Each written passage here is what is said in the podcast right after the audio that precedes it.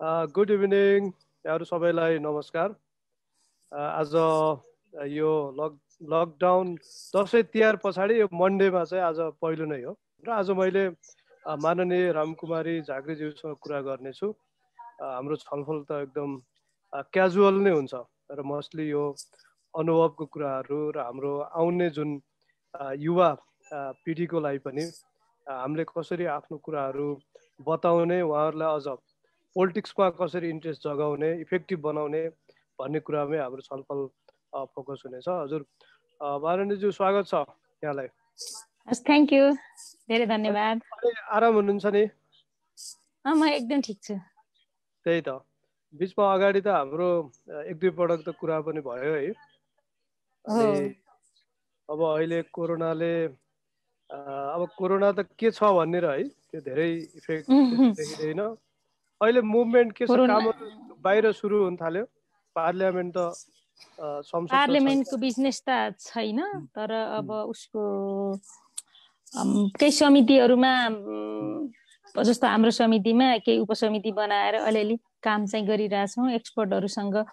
त्यसो पनि फर्मल बैठक बसेर काम गर्ने भन्दा पनि केही कार्यसूची पहिला तय गरेर अनि एक्सपर्टहरूसँग छलफल गर्ने परामर्श गर्ने।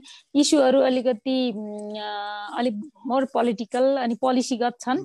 त्यसो भए भएर अब हामीले पनि एक्सपर्टहरूको साथ सहायता लिने पहिला काम गरेका अनुभवहरू के थिए हामीले पोलिसी रिफर्म गर्दा कहाँ कहाँ के के गऱ्यौँ भन्ने सन्दर्भका विषयहरू सहित गर्नुपर्ने भएर यस्तै इन्डोर कामहरू गरिरहेको छौँ। तर त्यसमा पनि फेरि यही बेला चाहिँ यो उसको यो स्थानीय पूर्वाधार सहायता कार्यक्रमको लागि चाहिँ प्रायः जसो प्रत्यक्ष निर्वाचित मानिसहरू फेरि निर्वाचन क्षेत्रमा जानुपर्ने भए भएर अनि अब म समानुपातिको सुविधा चाहिँ काठमाडौँबाटै लिइरहेको छु म गएको छैन। फेरि मलाई त्यो साझेदारीको सुविधा अब डिफाइन गरेर त्यो बाँड्न पाउने सुविधा पनि छैन। त्यो साक्षीको किनारा भएर त्यो बाँड्नु मन पनि छैन। त्यसो भएर म चाहिँ काहीँ पनि गइनँ। त्यसलाई चाहिँ अनि त्यो भएर अहिले अलिकति अरू सदस्यहरू चाहिँ बिजी नै हुनुहुन्छ जस्तो छ। अब एक दुई दिनमा फर्किने जस आज पनि पाँच छजना युवा साथीहरूसँग कुरा भएको थियो मेरो। एक दुई दिनमा पुस लगाएपछि फर्कन्छु भन्दै हुनुहुन्थ्यो अब आउनुहुन्छ होला। त्यसपछि अब त अबको दुई हप्तामा त हाउस पनि खुल्छ।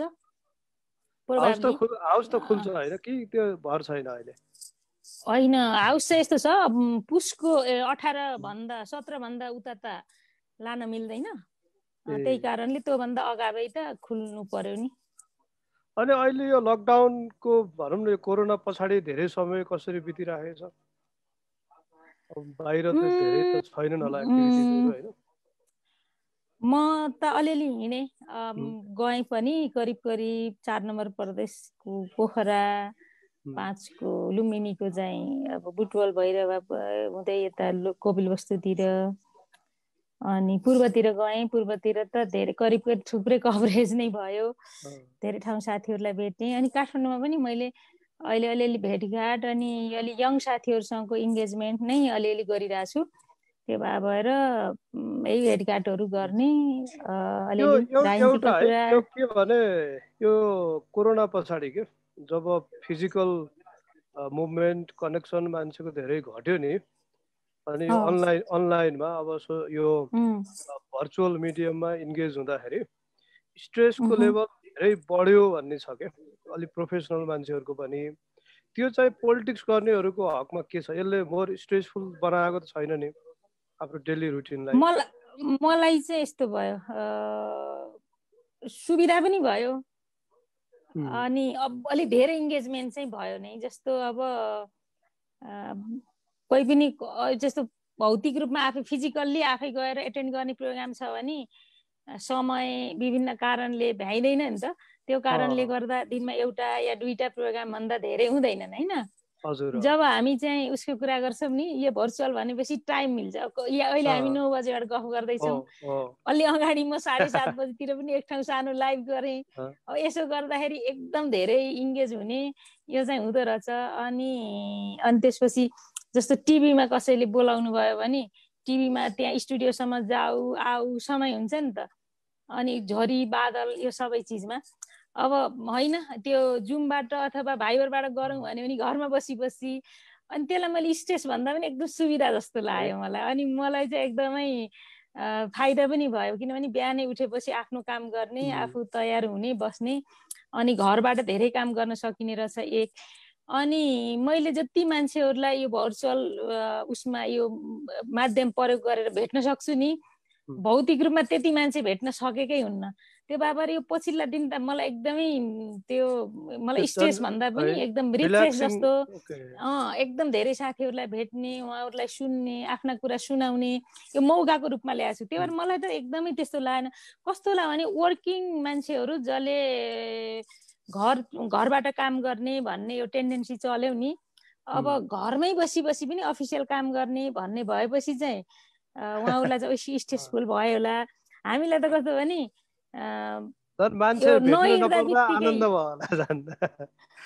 कम भेट्यो होइन। खर्च घट्ने अनि जाइ घट्ने समय बस्ने अनि एकै ठाउँ आफ्नै घरमा बसेर घरको पनि बच्चा जस्तो स्कुल छुट्टी छ बच्चाको पनि केयर गर्दै सबै काम भइने। अनि त्यो हिसाबले चाहिँ मलाई एकदम ठिक भयो। मलाई अहिले अब यो भनौँ न बैसठीतिर भनौँ न बिहा भइसके पछाडि सबभन्दा धेरै समय होला त्यसो भने घरमा। घरमा बाबु पनि छ अनि त्यस पछाडि पहिला पहिला त यता सरकारी अफिसहरू पनि एकदम कम डाउन साइज गरेका थियो उहाँहरू पनि थोरै थोरै स्टाफहरू जानुहुन्थ्यो नि त फेरि कन्ट्याक्ट ट्रेसिङमा पनि मन्त्रालय बाबाहरू धेरै पर्नु भयो उहाँ पनि होइन? उहाँ फर्स्ट लाइनमै कन्ट्याक्ट ट्रेसिङमा पर्दा हामी पनि अहिले आइसोलेटै भएर बस्यौँ। अनि म यता बाहिर कति घुमेँ साथीहरू भेट्दाखेरि मेरो मेरो साथीहरूको कारण म कन्ट्याक्ट ट्रेसिङमा पर्ने अलिक पेनफुल चाहिँ बाबुको लागि चाहिँ भयो ऊ चाहिँ इन्ट्रेस्टिङ हो मैले यसरी हेरेँ हो नि अनि ऊ चाहिँ फागुनदेखि कतै गएको छैन फागुनको चौबिस गते लास्टमा स्कुल गएको थियो त्यसपछि ऊ कहीँ गएको छैन अनि हामी चाहिँ म चाहिँ सबभन्दा धेरै मान्छेसँग एक्सपोज हुन्छु अनि उसको लागि चाहिँ अब अलिकति बाबुमाथि नै अन्याय हुन्छ जस्तो लागेर उसलाई अलिकति अलग्ग राख्ने अनि अलग्गै सुत्ने अलिक बस्दाखेरि पनि वारिपारी सोफामा बस्ने यो पनि एउटा डिस्टेन्स मेन्टेन गर्ने यस्तो चाहिँ घरमा पनि भयो। अहिले त कोरोना हामीले पनि खारेज गरिसक्यौँ। कोरोना छैन। जस्तै छ। बिचमा चाहिँ एकदम बिचमा चाहिँ त्यसरी बसिरहेको थियौँ। फेरि हाम्रो सबै बच्चाहरू सानो सानो छ अनि जम्मैजना बाहिर काम गर्ने।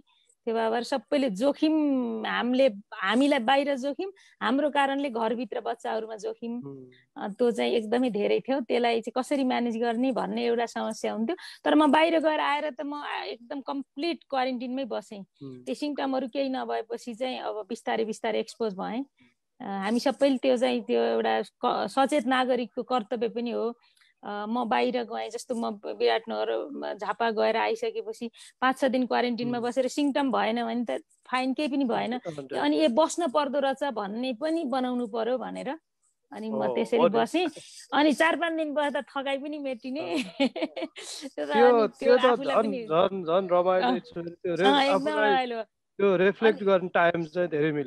अनि फेरि के पनि छुन हुन्न काम गर्न हुन्न भनिसके पछाडि फेरि काम गर्नु पनि परेन। अनि त गजब भइहाल्यो। अनि अब यो बिचमा हाम्रो भनौँ न मलाई के हो भने अब युवा भनौँ न हुनुहुन्छ। अब कामहरू एउटा एसपिरेसन पनि छ होइन? र हतारो पनि छ नि सोसाइटीमा पोलिटिकल चेन्जको लागि। तर हाम्रो चाहिँ नेताज्यूहरूको हाम्रो अध्यक्षज्यूहरूको अझ भनौँ न अहिले उहाँहरूको यो बहस जुन छ नि अहिले जुन गाली गरोस् मैले नि पढेँ। सबै उहाँहरूको चिठीहरू पढेँ होइन।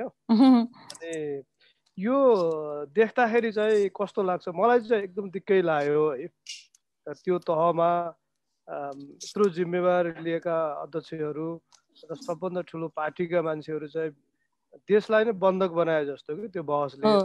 तपाईँलाई आफूलाई चाहिँ कस्तो फिल गराइराखेको छ त्यसले? हाम्रो केही समयदेखि घटनाहरूलाई प्रवृत्तिहरूलाई अलिकति सैद्धान्तिकृत नगर्ने प्रवृत्ति बढ्या छ। अनि त्यसलाई नहेर्ने। किन यस्तो भयो? यसका पछाडिको कारण यसलाई नहेर्ने त्यो हिसाबले नबुझ्ने एउटा प्रवृत्ति चाहिँ बढ्या छ। त्यसो भएर घटना के हुन्छ भने कुनै पनि घटनाका पछाडि केही कारण हुन्छ केही तथ्यहरू हुन्छन् अनि केही त्यसको रिफ्लेक्सन प्रवृत्तिहरू हुन्छन्। त्यतातिर हामी प्राय नजाने नै छ अहिले। अनि एकैचोटि कहाँ जाने भन्दा सिधा सिधा हो। वान टु वान अनि त्यो फाइट टु फिनिस जस्तो भएर जाने जुन खालको अवस्था छ। यो चाहिँ हाम्रो भित्र भएको राजनीतिक संस्कार र संस्कृति बिग्रेको पनि हो। नेपालमा हामी त्यो तल्लो स्तरको राजनीतिक प्रवृत्तिमा जुन खालको गाली गलोज गर्छौँ नि हुन त अमेरिकनहरू पनि गर्दा रहेछन्। त्यो बिचमा त्यो अगाडिको बर्न बर्नी स्यान्डर्स र यो डोनाल्ड ट्रम्पको इलेक्सनमा पनि अनेक क्याम्पेनिङ देखेको। त्यो बेला त मैले प्राय प्राय अमेरिका चुनावको त्यो बाराक ओबामा र यो यो दोस्रो चुनाव चाहिँ एकदमै अलिक पोलिटिक्स पनि बुझ्ने पनि भएको थिएँ। त्यो हिसाबले पनि होला निकै प्रि प्राइमेरी इलेक्सनदेखि फलो गरेको। बरु यसपटक चाहिँ त्यति धेरै गरिनँ मैले। अनि एकदमै तल्लो स्तरमै गाली गलोज गरिरहेको त्यो भनौँ न अपोजिसन पार्टीको लिडरसिपको हिसाबमा व्यक्तिगत गाली गलोजको कुरा त हो होइन? होइन त्यो भन्दैछु। अब यो छ अनि बरु इन्डियामै के रहेछ भने नि इन्डियामै बरु एउटा कल्चर चाहिँ बचाउँदो रहेछन्। डिफ्रेन्ट पार्टीमा पनि उहिदिन पार्टीमा पनि। उनीहरूले त्यसो गर्दो रहेछ। तर हामी कहाँखेरि के भयो भने मिल्दाको दिन सबै मिलिहाल्ने अनि नमिल्दाको दिन चाहिँ पनि टुङ्ग्यो क्या रिलेसन। त्यस्तो हिसाबले चाहिँ आउने। अझ हाम्रो कम्युनिस्ट आन्दोलनमा अलिकति यो समस्या पनि छ कतिपय कुराहरू चाहिँ अधिक सैद्धान्तिकरण गरेर अनि व्यक्तिको चरित्रमा नै त्यसलाई एकदम लिपापति गरेर गाली गर्ने चलन छ। त्यो नराम्रो हो। त्यो चाहिँ हाम्रो पार्टीमा चाहिँ अझ अहिले आएर अब हामीले सुने अनुसार चाहिँ एकले अर्कोका विरुद्ध एकदमै धेरै कुरा गर्ने अनि अर्को फेरि लगेर फाइनल्ली फेरि लगेर सुनाउने। यस्तो खालको कुरा चाहिँ छ भनेर भनेको सुनिन्छ। त्यो हो भने एकदमै नराम्रो कुरा हो र अहिले त्यो आएको डकुमेन्टमा कम्तीमा छलफल होस् भन्ने चाहन्छु त्यही भएर मैले चाहिँ आइरहेको छ। त्यसले म निराश नै भएको छैन कम्तीमा उहाँहरूले यी यी कुराहरू गलत भयो भनेर लिखतमा लिएर आउनु भएको छ। ती वान बाई वान छलफल होस् न त भन्ने चाहको पार्टीको मान्छे त होइन कुनै पनि होइन? हजुर हजुर। तर मैले पढेँ कि त्यो सबै पढ्दाखेरि। तर त्यो डकुमेन्टहरूमा होल कार्यकर्तालाई छलफल गर्न लाउने अथवा बहस गर्ने भनेको त त्यो त यो त वेस्ट अफ टाइम मान्छेको वेस्ट अफ पोटेन्सियल होइन र त्योबाट के सिक्ने कार्यकर्ताले प्रधानमन्त्रीको चिठीबाट अथवा प्रधानमन्त्रीले लेखेको चिठीबाट जुन छ नि त्यो त त्यो गालीको दस्तावेजै हो कि खास दुइटैको है एउटाको होइन कि। यसलाई यसरी हेर्नुपर्छ। यसलाई कसरी हेर्नुपर्छ भन्दा एउटा त त्यो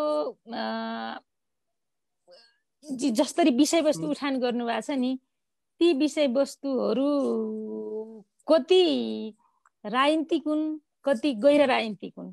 एकपटक त्यसलाई केलाएर हेर्न पर्यो र हामी कहाँ छौँ त्यसले थाहा हुन्छ। दोस्रो राजनीतिक र गैर राजनीतिकमा कति सैद्धान्तिक हुन् कति असैद्धान्तिक हुन्?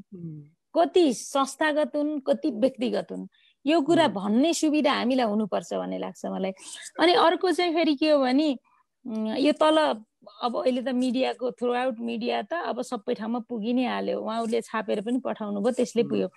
अब तल तल कमिटी या सदस्यसम्म त यो छलफल गरेर यसका बारेमा एउटा कुनै राय दिने त्यस्तो व्यवस्था त छैन।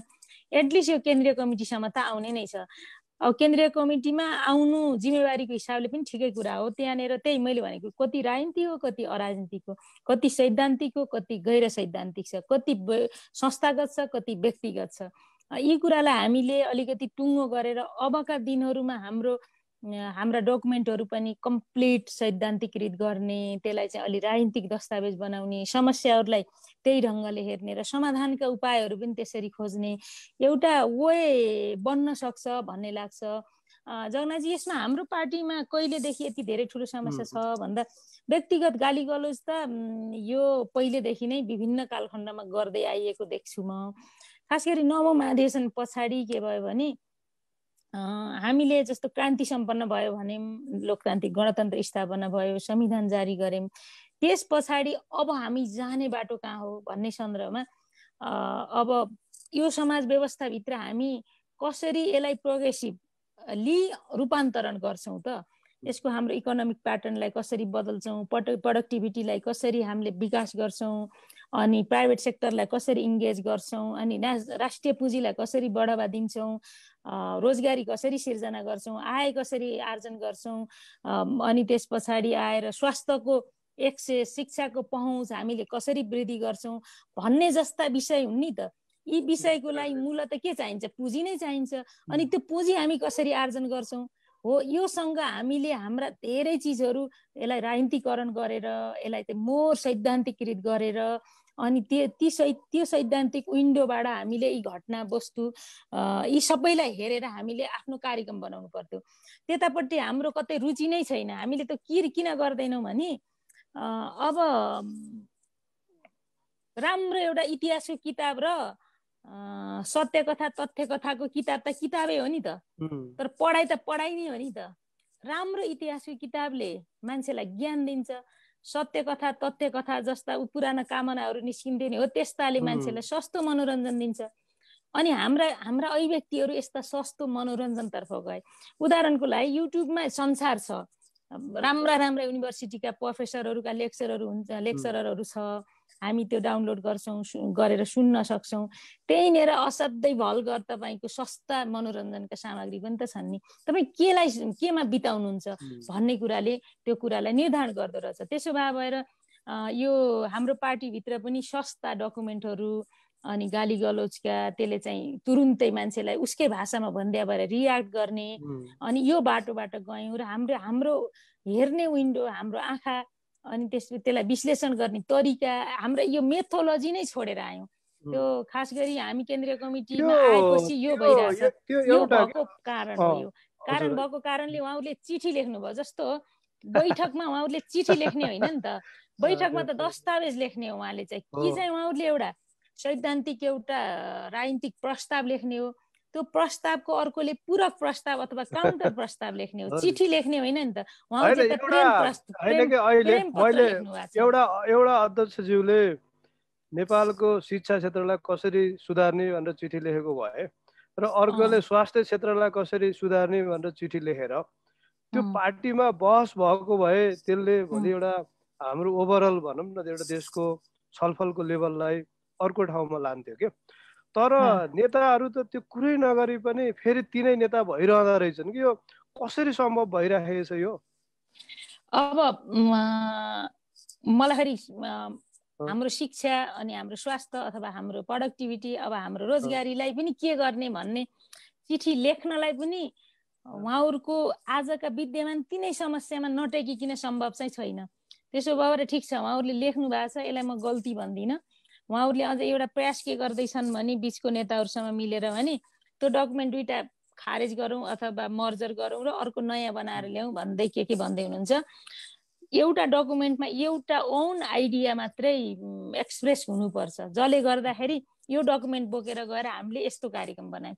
यो मर्जरको यो यो बेकारको कुरा। आइडिया एकै ठाउँ मिक्सअप गरेर त्यसको अनरसिप र त्यसलाई काम गर्ने तरिकै मिल्दैन। त्यस कारण यो मिक्समास गर्ने चिजै होइन।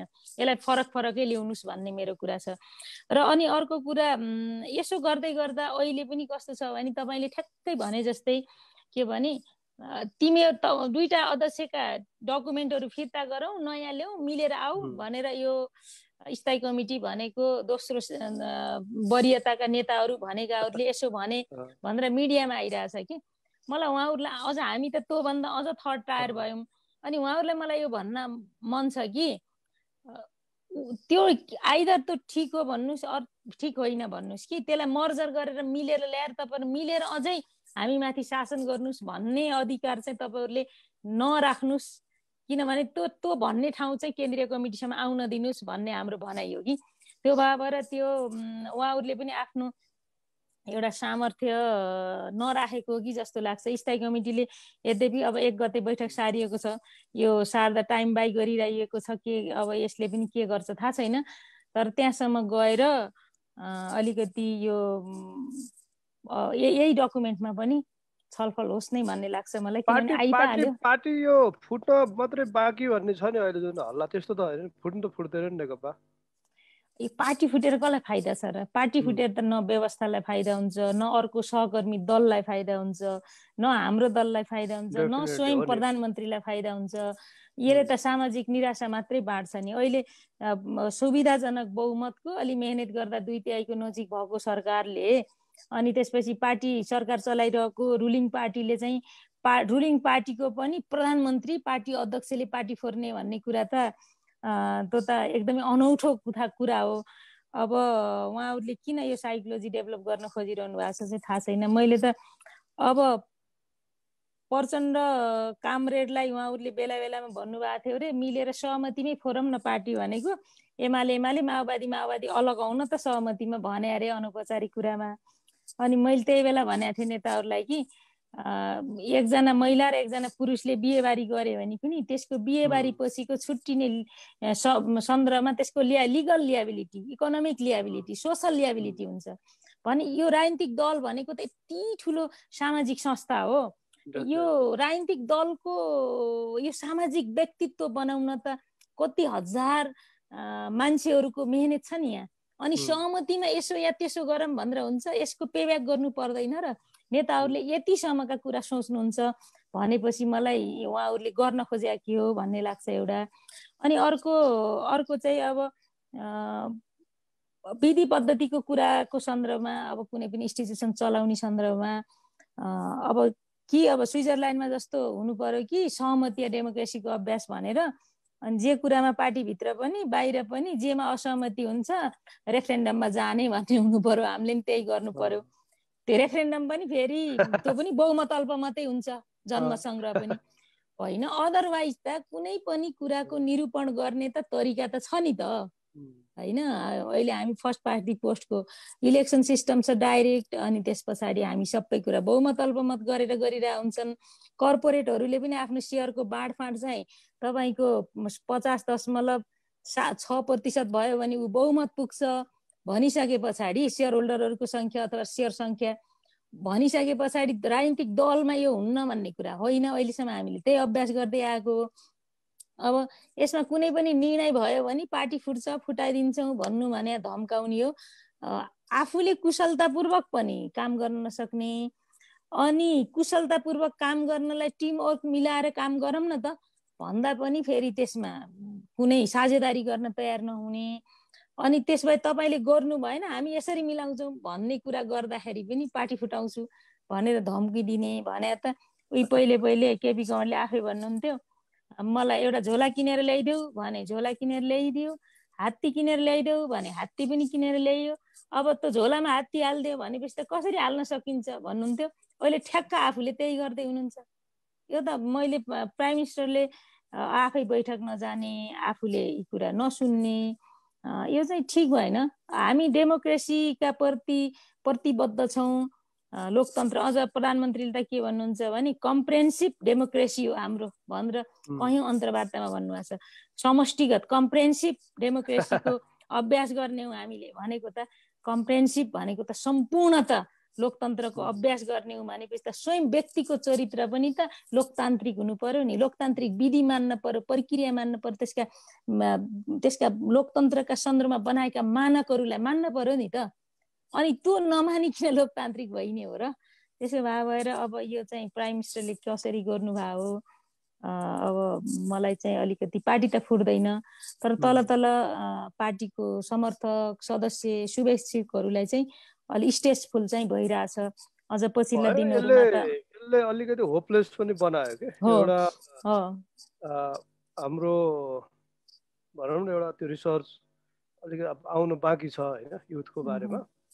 यो अब दुई चार दिन एक हप्ता जतिमा बाहिर आउँछ त्यसको त्यसमा नेसनल रिसर्च हो होइन? यो टु टु थाउजन्ड स्याम्पलिङ छ कि नेसन वाइड अनि अहिलेसम्मको द मोस्ट कम्प्रिहेन्सिभ रिसर्च पनि हो युथमा गरेको। यसमा सबैभन्दा हेटेड इन्स्टिट्युसन भनेको पोलिटिकल पार्टी छ क्या अहिले नेपालमा। युथहरूलाई मनै पर्दैन। र र आठ नौ पर्सेन्ट भन्दा बढीले चाहिँ पोलिटिकल इन्ट्रेस्ट छ भनेर भनेको पनि छैन क्या। भनेको यसले एउटा इन्डिकेसन के गर्छ भने भोलि नेपालमा मान्नु मैले राजावादी जस्तै कुनै खालको एउटा अरू कसैले मुभमेन्ट चाहिँ पपुलर गरायो भने त्यो युथहरू त्यतातिर जान सक्ने चान्सेस छ क्या त्यो त्यो एउटा त्यो हामी त्यो पोइन्टमा चाहिँ पुगिसके जस्तो देखिन्छ। त्यो आइसके पछाडि नै एकपटक मलाई तपाईँहरूको जेनेरेसनसँग त्यसको बारेमा अलिक ठुलै भनौँ न एउटा। बाह्र पन्ध्रजना भएर छलफल गर्न मन छ कि? त्यो चाहिँ गर्नुपर्छ। एकचोटि पढेर होइन? अनि तर अब अहिले के भने फेरि हामीलाई त के भने अब अलि राम्रो मान्छे पोलिटिक्समा आउनु पर्यो युवाहरू भन्छन् होइन। इभन अब भनेको म जतिको मान्छेलाई पनि त आँट छैन क्या पोलिटिक्समा जानलाई। तर पोलिटिक्स गर्नेहरूले त गरिराखेका छन् होइन। तर अब युथहरू पोलिटिक्समा आउनुपर्छ भनेर भन्दा त्यो पोलिटिक्समा का त्यो साँच्चैका चाहिँ च्यालेन्जेसहरू के हुँदो रहेछन् त्यो पर्सनल एक्सपिरियन्समा के? किनभने हामी त छेउमा बसेर स्विमिङ गरेको हेर्ने हो नि त। होइन त पोलिटिक्समा त हामी त स्विमर त होइन। हामीलाई त यसरी बाघचाल हान्नु पऱ्यो यसरी डुबेर जानु पऱ्यो भन्ने भन्दाखेरि त हामी त एउटा हाइपोथेसिस मात्रै हो क्या।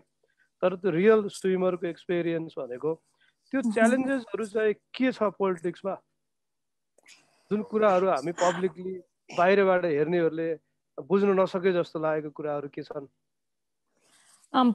राजनीतिमा पोलिटिक्समा अब मेजर त दलगत कुरा भइहाल्यो। राजनीतिमा प्रत्यक्ष संलग्न हुनको लागि काहीँ न काहीँ दलमै हुनु पर्यो नम्बर एक चाहिँ। अनि नम्बर नम्बर दुई आफूले रोजेको आफूलाई मन परेको विचारधारासँग आफू एसोसिएट भएर कुनै दलमा लाग्ने कुरा भयो युवाहरूले। अनि दोस्रो कुरा कस्तो छ भने हामी जुन बेला मेरो पुस्ता राजनीतिमा लाग्दै थियो हामी त म चाहिँ बौद्धल आइसकेको पछिकै पुस्ता हुँ? बौद्धल आइसके पछाडि एक प्रकारको जागरण आइरहेको थियो। गाउँघरमा बहुदल आयो भनेपछि एउटा वेब हुन्छ नि? हो त्यो आज जस्तो जस्तो ठुलो स्टेडियममा त्यो फुटबल अथवा कुनै म्याच फुटबल म्याच भइरहेछ भने त्यो उता एउटा एउटा छेउबाट उसले हुटिङ गर्दै आउँछ सर सर्दै समुद्रको छाल भए जस्तै त्यो दर्शकहरूले बनाइरहेको देखिन्छ नि? हो त्यस्तै। त्यो वेब चाहिँ त्यसरी आएको बेलामा हामी हाई स्कुलतिर पढ्दै गर्दा हाई स्कुल पनि निम्न माध्यमिक विद्यालय छ सात कक्षातिर पढ्दै गर्दाखेरि चाहिँ अब त्यो वेबमा हामी राजनीतिमा लाग्यौँ। त्यति बेला पहिला कुरा त दल भने के हो? दलको विचारधारा भनेको के हो? अनि यो दलले के गर्छ? चुनाव चिन्ह भोट हाल्ने तरिका अब यस्ता कुराहरू थियो नि त टु एजुकेट गर्ने चिज त। अनि सङ्गठन कमिटी बैठक अनि छलफल एजेन्डा यस्ता कुराहरू थिए जो एकदमै बेसिक थिए। त्यो कुरा सँगसँगै हामी चाहिँ राजनीतिमा प्रवेश गऱ्यौँ र व्यक्ति व्यक्तिलाई समाएर सङ्गठन गर्दै गर्दै आएको। अब त्यो भएर अनि कलेजतिर आयौँ कलेजतिर आउँदा पनि हामी त्यसरी नै आयौँ युवाहरूलाई। र त्यसरी आउँदा राजनीतिमा प्रवेश गर्ने ढोका चाहिँ सजिलो थियो हामीलाई। किनभने त्यो फर्टाइल पनि थियो र खाली पनि थियो। हामीभन्दा अगाडि त खासै मान्छे थिएनन् नि त। थिए भने एकदम थोरै थिए। त्यसले गर्दा खाली पनि थियो। तर त्यो राजनीति एकदमै कठोर मेहनत चाहिँ थियो अनि दुःख पनि थियो। अनि राजनीतिमा लागेका युवाहरू कुनै आकर्षक व्यक्तित्व चाहिँ थिएनन्। हामीसँग पैसा हुन्थेन। किनभने अब पढ्न भन्दा आएको। पढ्नु राम्रो पढ्नु पढ्नु मात्रै होइन राम्रो पढ्नु जागिर खानु अनि पढ्दै जागिर खाँदै एउटा उमेर आउँछ बिहेबारी गर्नु त्यो पनि बाबुआमाले भनेको ठाउँमा। अनि त्यसपछि बा आमा परिवारलाई धन कमाएपछि सुख सुविधा दिनु। एउटा हरेक बाबुआमाको परिवारको छोराछोरीप्रतिको अपेक्षा त यही हुन्छ तर हामी राजनीतिमा लाग्ने युवाहरू पढ्न गएको छ पढेको हो कि होइन थाहा छैन। जागिर खाएको छन् अरूका छोराछोरीले आफ्नो थाहा छैन। यता जा भनेको छ उता आएछ दसैँमा घर आएर दुई दिनका हिँडेको छ। अनि त्यस पछाडि के गरेको त्यो क्राइसिस कि? आइडेन्टिटीको क्राइसिस अनि त्यसपछि बिस्तारै के हुन्छ अनि अलिअलि पैसा दिनुपर्छ भन्यो भने अलिअलि पैसा हुने आफन्तहरू दाजुभाइ दिदीबहिनीहरू टाढिँदै जाने बाबुआमा पनि अलिकति रिसाउँदै जाने अनि नातागोताले नखोज्ने ए भुक्काराम भयो नि त। हाम्रो जिन्दगी त्यो हो र राजनीतिमा सबभन्दा त्यो अपहेलित पुस्ता हामी। अनि त्यस पछाडि यतातिर आउँदै गर्दाखेरि के हुन्छ अनि पोलिटिक्स पनि अब फुल टाइम पोलिटिक्स बिहानदेखि बेलुकीसम्म मलाई सम्झना छ कि कयौँ पटक चाहिँ म यति लामो नाइट गाडीको यात्रा चढ तय गरेर अनि खुत्रुक्क गाडीबाट झरेर मुख पनि नधोइकन ब्रस पनि नगरिकन कपाल पनि नकोरिकन रातभरि त्यही नाइट गाडीमा लागेको लुगासहित गएर कलेजहरूमा कयौँ पटक बिहानका स्वागत कार्यक्रमहरूमा भाषण गरेर हिँडेको छु। सम्झिनुहोस् एउटा रातभरि हिँडेर यो कपाल चाहिँ यो त्यो उसले के अरे रुपीले गुड लाउने जस्तो भएको कपाल होइन? रातभरि जाडोमा त्यो कठाङ्ग्रीले गएको अनुहार निलो अनुहार लाएर त्यो भाषण गर्न गएको मान्छेको अवस्था हेरौँ न कति दुःखद ठाउँबाट हामीले काम गरेर आयौँ। त्यसरी काम गर्दै गर्दै आउँदा हाम्रो लागि एकदम अनि ती त्यही बेला पनि हामी आकर्षक किन थियौँ भने यति दुःख गरेर पनि हामी आथ्यौँ त्यो भएर हामीलाई मान्छेले एकदमै माया गर्थे सहकर्मीहरू साथीहरू पार्टीका मान्छेहरूले एकदमै धेरै माया गर्ने यो खालको अवस्था थियो। त्यही कारणले गर्दाखेरि के हो भने घर परिवार यताउता त्यो हाम्रो लागि चाहिँ त्यो इग्नोर गरेर हिँडे जस्तै हुन्थ्यो। धेरै जस्तो म जस्ता धेरै युवा साथीहरूको कहानी यही हो। केही केही मान्छेहरूको चाहिँ कस्तो हुन्छ परिवारले सपोर्ट गर्छ। उदाहरणको लागि मेरो लागि चाहिँ मेरो दाई हुनुहुन्थ्यो जसले गर्दा म म काठमाडौँ आउँदा मेरो दाई हुनुहुन्थ्यो डेरा थियो दाईको जब थियो बस्ने खाने व्यवस्था थियो। अनि म जतिजना मान्छे पनि अब कोठामा अटाउने जति भनौँ न दुई चारजना साथीहरू ल्याएर राख्न सक्थेँ। त्यो हिसाबले मैले त्यति दुःख त्यति तिरस्कृत भइनँ तर मेरो पुस्ताका धेरै जसो साथीहरू त्यसरी नै तिरस्कृत भए। त्यो कारणले गर्दाखेरि के भयो भने हामी यसरी राजनीतिमा आउँदै आउँदै आउँदै आउँदै गर्दाखेरि बासठी त्रिसठी साल सालसम्म आउँदा त हाम्रो हालत के भयो होला? त्यो हालतका मान्छे थियौँ। जब गणतन्त्र आयो त्यसपछि राजनीतिमा हामीले यो बासठी त्रिसठीको आन्दोलन सक्सेस भएपछि आयो नि त समावेशी यो त्यो मुद्दाहरू त त्यसपछि आए। अनि त्यो भइसके पछाडि समावेशीकरण के करण के करण भनिसके पछाडि पार्लियामेन्ट पनि तपाईँको छ सयजनाको बनाऊ अनि छ सयजनाको संसद बन्दाखेरि त कतिजना मान्छेको लागि भ्याकेन्सी खुलियो कि? मान्छे त थाहा नपाएका मान्छे स्वर पत्तर सांसद भएर आए के भएर आए नियुक्ति खाए राजदूत भए के के भए भए। अनि राजनीतिले त यो पछिल्लो तेह्र चौध वर्षमा त गर्नु गर्यो।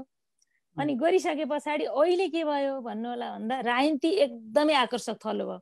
यो चाहिँ पावरको प्रयोग गर्ने ठाउँ भयो यो नामैले पनि धेरै चिज हुने भयो। यो चाहिँ अब त धेरै सुन्दर सुखद अवसर भयो नि त। जुन बेला हामीले सङ्गठन गर्दै थियौँ त्यो बेला एकदम दुःखद र कष्टसाध्य काम थियो। अनि राजनीति चाहिँ धेरै मान्छेका लागि आउन सजिलो ठाउँ भयो। हाम्रो पालामा टिक्न गाह्रो थियो। राजनीतिमा आउन एकदम सजिलो थियो। तर हामी टिक्नै सक्दैन थियौँ किनभने परिवारले सहयोग नगरेसम्म त आउनै सकिँदैन नि। मलाई पनि मेरो दाईले सहयोग नगरेको भए म टिक्दै टिक्दैन थिएँ किनभने म आएको भोलिपल्टबाट मलाई अहिले पनि त्यो च्यालेन्जेसहरू त होइन। यसमा यसमा होइन यसमा चाहिँ के छ मैले यहीँनिर के अहिले आउँदाखेरि के भयो भने राजनीति चाहिँ आकर्षक ठाउँ भयो धेरै मान्छेहरू आउन चाहन्छन्। अनि कस्ता मान्छे आउन चाहन्छन् भने एकचोटि पढाइ लेखाइ गरे करियर सरियर बनाए करियर फिट भएका मान्छेहरू राजनीतिमा आउन चाहन्छन्। उनीहरूको लागि आउनलाई के छ भने अब हाम्रो पाला जस्तो कलेजहरूमा विद्यार्थी सङ्गठन प्रभावकारी छैनन्। त्यहाँ हामीले इलेक्सन सिस्टमबाट मान्छे नेतृत्व त तलै तलैबाट छानेर आउँथ्यो नि त। त्यो प्रणालीको भत्किसकेको छ। हाम्रो पाला त कलेज स्कुल स्कुलमै पनि बाट आएको हामी। स्कुलमै पढ्दा हामी एक तहको एउटा आफ्नो नेतृत्व दिन सक्ने भएका थियौँ।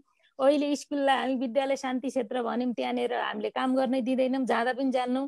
पन्ध्र सोह्र वर्षको विद्यार्थीहरूका लागि त यो राजनीति पढाइको विषय बनिरहेछ। अनि त्यसले गर्दा के भने एकैचोटि करियर सरियर सेट गरेर अब ठ्याकठुक अब राजनीतिमा आउने।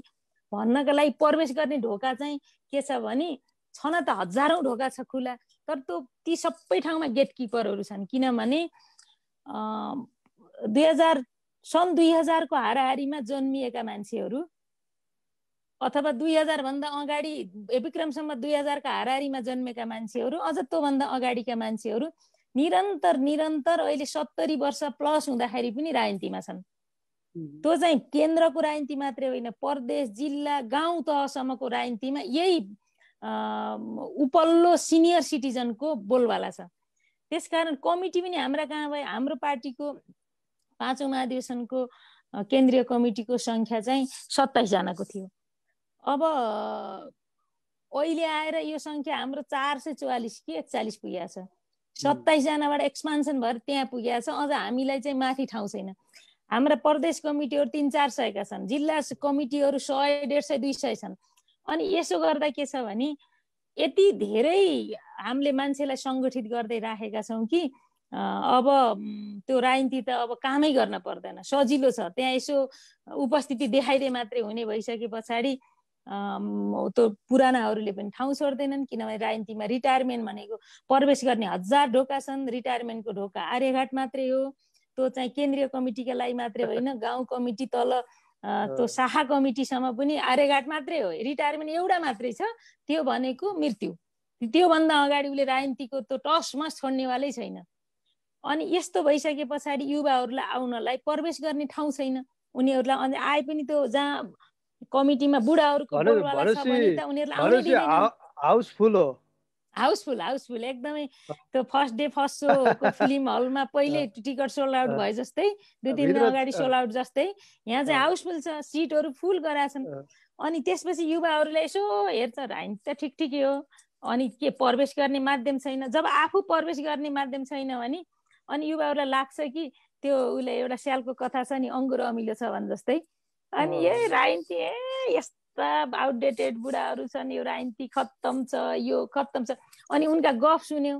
गफ पनि कि कुण्ठाका गफ हुन्छन् कि सपना मरेका गफ हुन्छन् कि केही पाइन भन्ने गफ हुन्छन्। उसँग कुनै योजना हुँदैन सपना हुँदैन प्लान हुँदैन उसको त्यो सक्रियता हुँदैन त्यो तत्परता छैन। अनि त्यो आउटडेटेड सत्तरी वर्षको साठी वर्षको मान्छेका गफ सुन्दै गर्छ बिस बाइस वर्षको युवाले। अनि तट यो मेरो बाटै होइन रहेछ भनेर अनि ऊ निराश हुन्छ। अहिले भएको त्यही हो। त्यसो भएर यसको मेरो समाधान छ। यसमा जगनाथजी मैले दुई लाइनमा भन्छु। यस्तो भन्नको यो किन युवाहरूलाई हामी राजनीतिमा आऊ भन्न चाहने हो? आउने आउने चाहने साथीहरूलाई यो कष्टसाध्य बाटोमा आऊ भन्ने हो भने हामीले केही प्रणालीको विकास गर्नै पर्छ। एउटा मान्छे राजनीतिमा सक्रिय र सचेत प्राणीको हिसाबले लागिरहन सक्छ।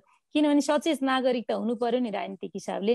एउटा कुनै पनि ट्याक्स पेयर राजनीतिक हिसाबले सचेत छ भने त्यो देशको सरकारले त्यो ट्याक्स पेयरको पैसाको दुरुपयोग गर्न सक्दैन। उसले हरेक प्रत्येक पेनी पेनीको उसले चाहिँ प्रश्न गर्छ क्या। प्रश्न गर्ने मान्छे चाहिन्छ भन्छु म कहाँ। जो जुन समाजमा प्रश्न गर्ने नागरिक हुन्छन् त्यो समाजमा जवाफदेता धेरै हुन्छ।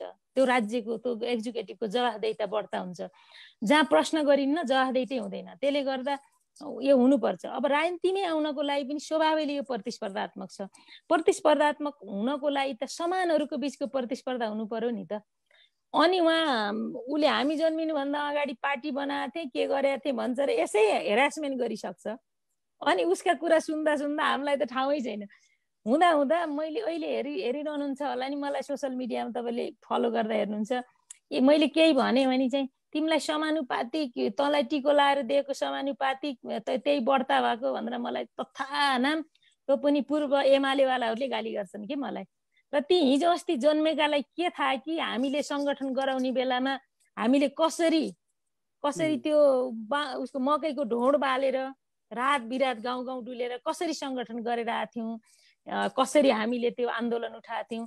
हिजै अस्ति यिनीहरूले जसलाई नेता भगवान् मानिरहेछन् यिनीहरूले आन्दोलनको नारा टुङ्गो नगर्दाखेरि हामी राज्यका सबभन्दा टार्गेटेड मान्छे थियौँ।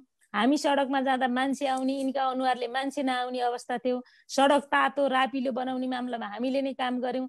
हामीले गणतन्त्र ल्यायौँ र अहिले रजगज गर्ने बेला हामी माथि माथि समानुपातिक सांसद मेरो चाहिँ मिल्ने नि यिनीहरूले खोसिसक्थे यस्ता कुरा गर्ने जमात किन आछ भन्दा राजनीतिमा यसले मूल्य बुझेका छैनन् र उनीहरू केही चाहिँ यिनीहरू सचेत मान्छे भन्दा पनि खालि त्यो एक एक प्रकारको चाहिँ त्यो एउटा भगवान् प्रवृत्ति मान्ने अनि त्यस पछाडि उनीहरूले चाहिँ त्यसको गुणगान जय स्तुति गा गाउने र कुनै त्यो सचेत पनि छैन त्यसले राजनीति बुझ्या पनि छैन राजनीतिको मूल्य पनि थाहा छैन इतिहास पनि पढाएको छैन सङ्कल्प पनि छैन खालि शक्तिको वरिपरि लगाइसके पछाडि केही प्राप्ति हुन्छ भनेर लाग्ने मान्छेहरूले यो सारा गरेका छन्।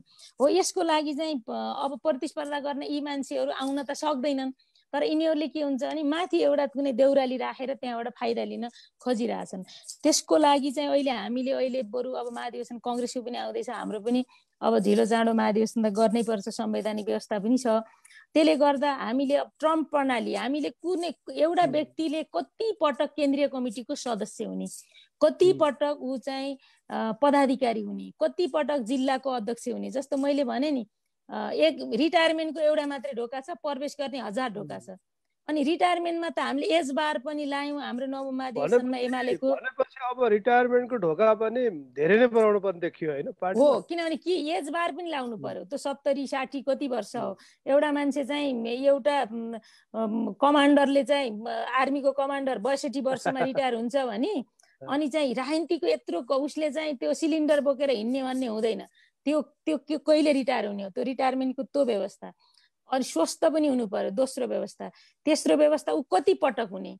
कति पटक हुने? पुलिसमा पनि त्यो एसएसपीबाट उँगो गइसकेपछि ट्रम छ।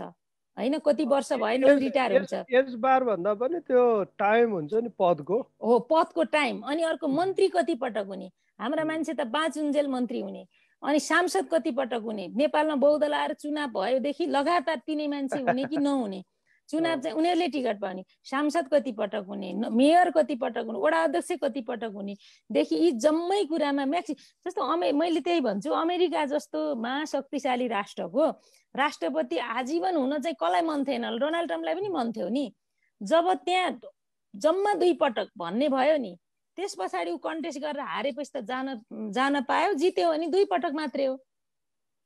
हामीले यो किन नबनाउने? प्रधानमन्त्री कति पटक पोहोर परार शेरबार दाई भन्नुहुन्थ्यो मलाई त ज्योतिषीले कति सात पटक कि कति पटक भनेको छ भनेर सात पटक पाँच पटक हो कि चार पटक भइसक्नु भयो अब फेरि दुई पटक हुँदा उनले गर्ने तर कि के हो? उहाँ त उहाँ त रिटायरमेन्ट लिए हुँदैन।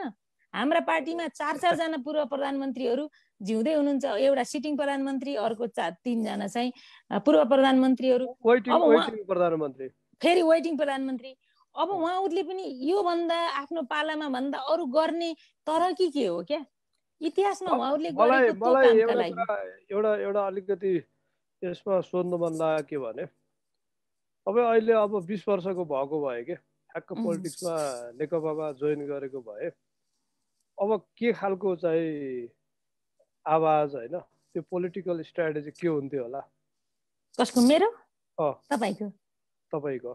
ए अब म चाहिँ बिस वर्षमा म त अहिले अहिले अहिले अब ठ्याक्क बिस वर्षको बिस वर्षको अहिले भएर अब? अब पोलिटिक्स सुरु गर्नु थाल्नु भएको भयो कि नेकपामा। किनभने हाम्रो त अब टिनेजरहरू भर्खर सकेर अलिकति अब पोलिटिकल एम्बिसन बोक्नेहरू पनि छन् नि त अहिले नयाँ जेनेरेसन। त्यस्तै तपाईँ वान अफ देम एउटा भएको भयो कि आजको दिनमा। अब यो कसरी सुरु हुन्थ्यो होला पोलिटिकल त्यो चाहिँ यात्रा? एकदमै त्यो यङहरूलाई म भनिहालेँ एकदमै गाह्रो छ। किनभने एकदमै ठुलो सिन्डिकेटहरू छ पार्टीको दलभित्र। सदस्य पनि दिँदैनन् अहिले त। मैले मलाई जस्तो तपाईँ मलाई मनपर्छ पर्सनल्ली अनि तपाईँ यतिको सक्रिय हुनुहुन्छ यतिको साथीले चाहिँ आफ्नो क्षेत्रमा काम गर्नुहुन्छ आउनुहोस् न पार्टीमा भनेर मैले ल्याएर त्यो सदस्य दिउँ भन्यो भने पहिलो कुरा त तपाईँ जतिको मान्छेलाई आउन नदिने हरकत त भइ नै हाल्छ। कथम कथा चाहिँ तपाईँलाई ल्याउन मन छ भने पनि मैले ल्याएको मान्छे हो नि त तपाईँलाई दिन भएन तपाईँ त अब मसँग एसोसिएट भयो। त्यो कारणले पनि राजनीतिमा अब बढिहाल्ने त्यो कारणले पनि आउन नदिनेछ त्यसो भएर अहिले बिस वर्ष भइरहेको मान्छेको लागि राजनीतिमा आउने चाहिँ एकदमै मैले भनिहालेँ हाम्रो पालामा टिक्न गाह्रो थियो आउन सजिलो थियो। अहिले चाहिँ आएपछि टिक्छन् तर प्रवेश गर्न निकै गाह्रो छ। एकदमै गाह्रो छ। स्किल सेटहरू के? खास अहिलेको युवा यङहरू के अब पोलिटिक्स गर्छु भन्नेहरूले अलिकति तयारी कसरी गर्न सक्छन्? अब अब यो कलेजहरू पनि अब कस्तो भने पब्लिक कलेजहरूमा अलि धेरै हुन्थेन। त्यो विकृतिहरू अनि लेनदेनसँग मिल धेरै स्वार्थ बाजिने थिएन। त्यो भएर विश्वविद्यालय अन्तर्गतका सरकारी क्याम्पसहरूमा पढ्ने मान्छेहरू अब त्यो त्यो हिसाबले चाहिँ उनीहरू पोलिटिक्समा ग्रोनअप हुनलाई चाहिँ एकदम सजिलो थियो। अहिले के हुन्छ भने यो आजको क्यापिटलिजममा त्यो आफ्नो नाफालाई चाहिँ कसैले हार्म गरिदिन्छ भने त्यो नाफामा दखल गर्ने पक्षलाई चाहिँ ठुलो नाफा हुन्छ नि उसले किनिदिन्छ क्या? त्यसो भएर यो प्राइभेट कलेजहरूले के गर्छ भने अलिअलि ठिक्कै ठिक्कै ग्रोनअप गर्न लागेको स्टुडेन्ट छ भने अब यसले तिनीहरूको त केही न केही व्यतिथि हुन्छ। त्यो व्यतिथिमा प्रश्न गर्ने मान्छे जन्मियो भने त्यसैलाई किनिदिन्छ क्या। अनि त्यसलाई नि आर्थिक रूपमा लम्पट पारिसकेपछि ऊ नेतृत्वमा आउनै सक्दैन। एकदम ठुलो समस्या छ। अहिले चाहिँ अनि त्यो जस्तो उनीहरूले चाहिँ अब त्यो उसमा के यो मिटरमा जस्तो जस्तो मानौ यो वर्ष इन्जिनियरिङको फोर्थ इयर पढ्ने स्टुडेन्टले मानौ तिन लाख रुपियाँ या पाँच लाख रुपियाँ दस लाख रुपियाँ मानौ त्यो ले उसले इन्जिनियर पढ्न सक्छ भने अनि थर्ड इयर तेस्रो वर्ष पढ्नेको बाह्र हुन्छ दोस्रो वर्ष पढ्नेको चौध हुन्छ अनि त्यो फर्स्ट इयरमा भर्ना हुनेको सोह्र लाखसम्म बनाउने यस्तो मिटरमा पैसा यिनीहरूले अटोमेटिक बढाउने सिस्टम बनाएको छन् यो कहिले हो? हामीभन्दा पछिको कुरा हो यो। अनि अब यस्ता यस्ता कुरामा जब मान्छेले प्रश्न गर्छ अनि अब त्यो प्रश्न गर्दै गर्दा उसको पछाडि सङ्गठन पनि छ। भोलि मेरो गलत कामका विरुद्ध यिनीहरूले केही गरि पो हाल्छन् कि? भन्ने त्यो कलेज त्यो विद्यालय अथवा त्यो युनिभर्सिटीको व्यवस्थापनलाई लायो भने त्यही विद्यार्थीलाई सानसाना कुरा हुँदै हुँदै ठुलो कुरामा फसाइदिन्छ र उसको नेतृत्व गर्ने त्यो त्यो एक एक प्रकारको त क्यापासिटी हो नि त्यसलाई चाहिँ आर्थिक रूपले लम्पट गरिदिइसकेपछि मान्छे सानातिना लोभ लालचमा फस्यो त्यसपछि ऊ बदनामी भयो त्यसपछि ऊ लम्पट भयो ऊ कामै गर्न नसक्ने हुन्छ। त्यहाँ सङ्गठन पनि बदनाम हुन्छ काम पनि गर्न सक्दैन। फेरि अर्को आउँछ अर्कोलाई पनि त्यसो गर्छ। अर्को आउँछ अगेन अर्कोलाई पनि त्यसो गर्छ। फेरि अर्कोलाई त्यसो गर्छ र अहिले चाहिँ पब्लिक इन्स्टिट्युसन भन्दा प्राइभेट इन्स्टिट्युसनहरू धेरै भए सहरहरूमा जहाँ सेलेक्टेड स्टुडेन्टहरू पनि आउँथे पोलिटिक्समा यिनीहरूले एकदम दमका साथ उपस्थिति यिनीहरूले जनाउन सक्थे।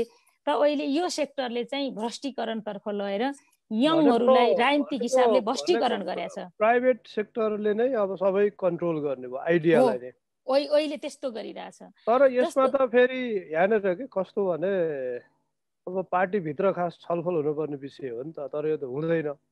अब यो अनि यसलाई किन हुँदैन भने त्यो ती सञ्चालकहरू फेरि कुनै न कुनै पार्टीमै छन्।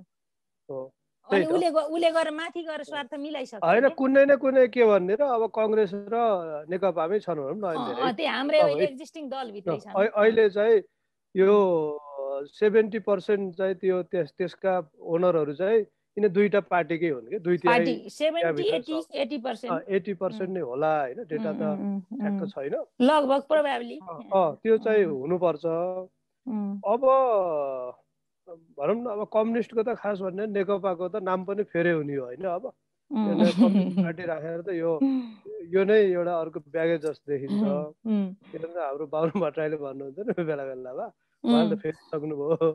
अरूलाई अरूलाई पनि फेर्न सुझाव दिइराख्नु भएको छ होइन किनभने यो नेकपा तर यो आइडियाको लेभलमा क्या हामीले अथवा हाम्रो पुस्ता पछाडिको पुस्ताले पार्टीमा यो मुद्दालाई पुनर्स्थापना गर्ने सम्भावना छ त। शिक्षा र स्वास्थ्यमा त्यो पनि गुणस्तरीय शिक्षा र स्वास्थ्य एउटा राज्यको दायित्वभित्र पार्न सक्ने कुरालाई एउटा राजनीतिक एजेन्डा बनाएर चुनाव कसरी जित्न सक्ला अब?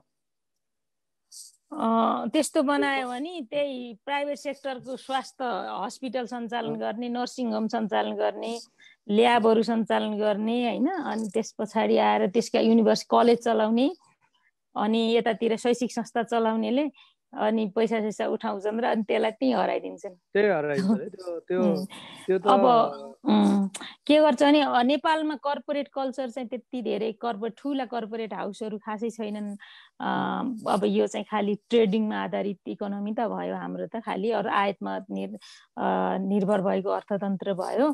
अनि त्यसपछि यसमा चाहिँ त्यो कम्पाउडर क्यापिटलिजम भन्छ नि त्यो जस्तो त्यो यो खालको प्रोडक्टिभिटी कम हुने। अनि यो यसमा चाहिँ एकदम मुनाफा बिच बिचमा यो मुनाफा धेरै हुन्छ। अनि मुनाफा धेरै हुने भइसके पछाडि उनीहरूसँग लगानी कम मुनाफा धेरै भएपछि उनीहरूले त्यो पैसा जता पनि प्रयोग गर्न सक्छन्।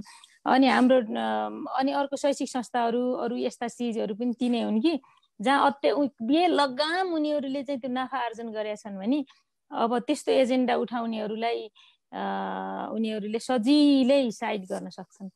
अहिले हरेक कन्स्टिट्युएन्सीमा चाहिँ त्यो अपोज गर्न सक्ने त्यो खालको चाहिँ ग्रुप भइसक्यो भन्नु पर्यो है अहिले। भनेको सबै सबै कन्स्टिट्युएन्सीमा होइन। फेरि यस्तो हुन्छ त आइडिया मेकर त्यहाँ त होला नि कोही कोही होइन होइन। यसमा चाहिँ यस्तो हुन्छ जगनाजी जस्तो सबै जस्तो हाम्रो अहिले दुई सय चालिसवटा छन् दुई सय एक सय पैँसठीवटा कन्स्टिट्युसन छ नि त्यो सबै ठाउँ होइन। तर यो आइडिया मेकर भनेको त जहिले पनि समाजमा मिडल क्लास हुन्छ नि त सूचना प्रवाह गर्ने। अनि तिनीहरू मूलत मिडल क्लासमै आफूलाई बिलोङ्स गर्छन्।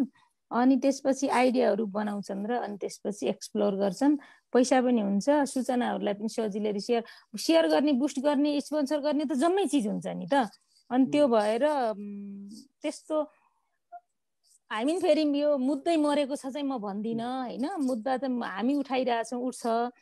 तर यो रिक्स मोल्न धेरै मान्छे तयार हुन्नन् यस्तो भयो एउटा अर्को चाहिँ किनभने यो मुद्दा धेरै अपिल गर्ने भनेको यङ्स्टर्सहरूलाई नै हो क्या किनभने एउटा लेभलमा गइसकेपछि मान्छे चाहिँ त्यो सिनिकल हुँदो रहेछ अरू अरू स्ट्रेस प्रेसर हुन्छ।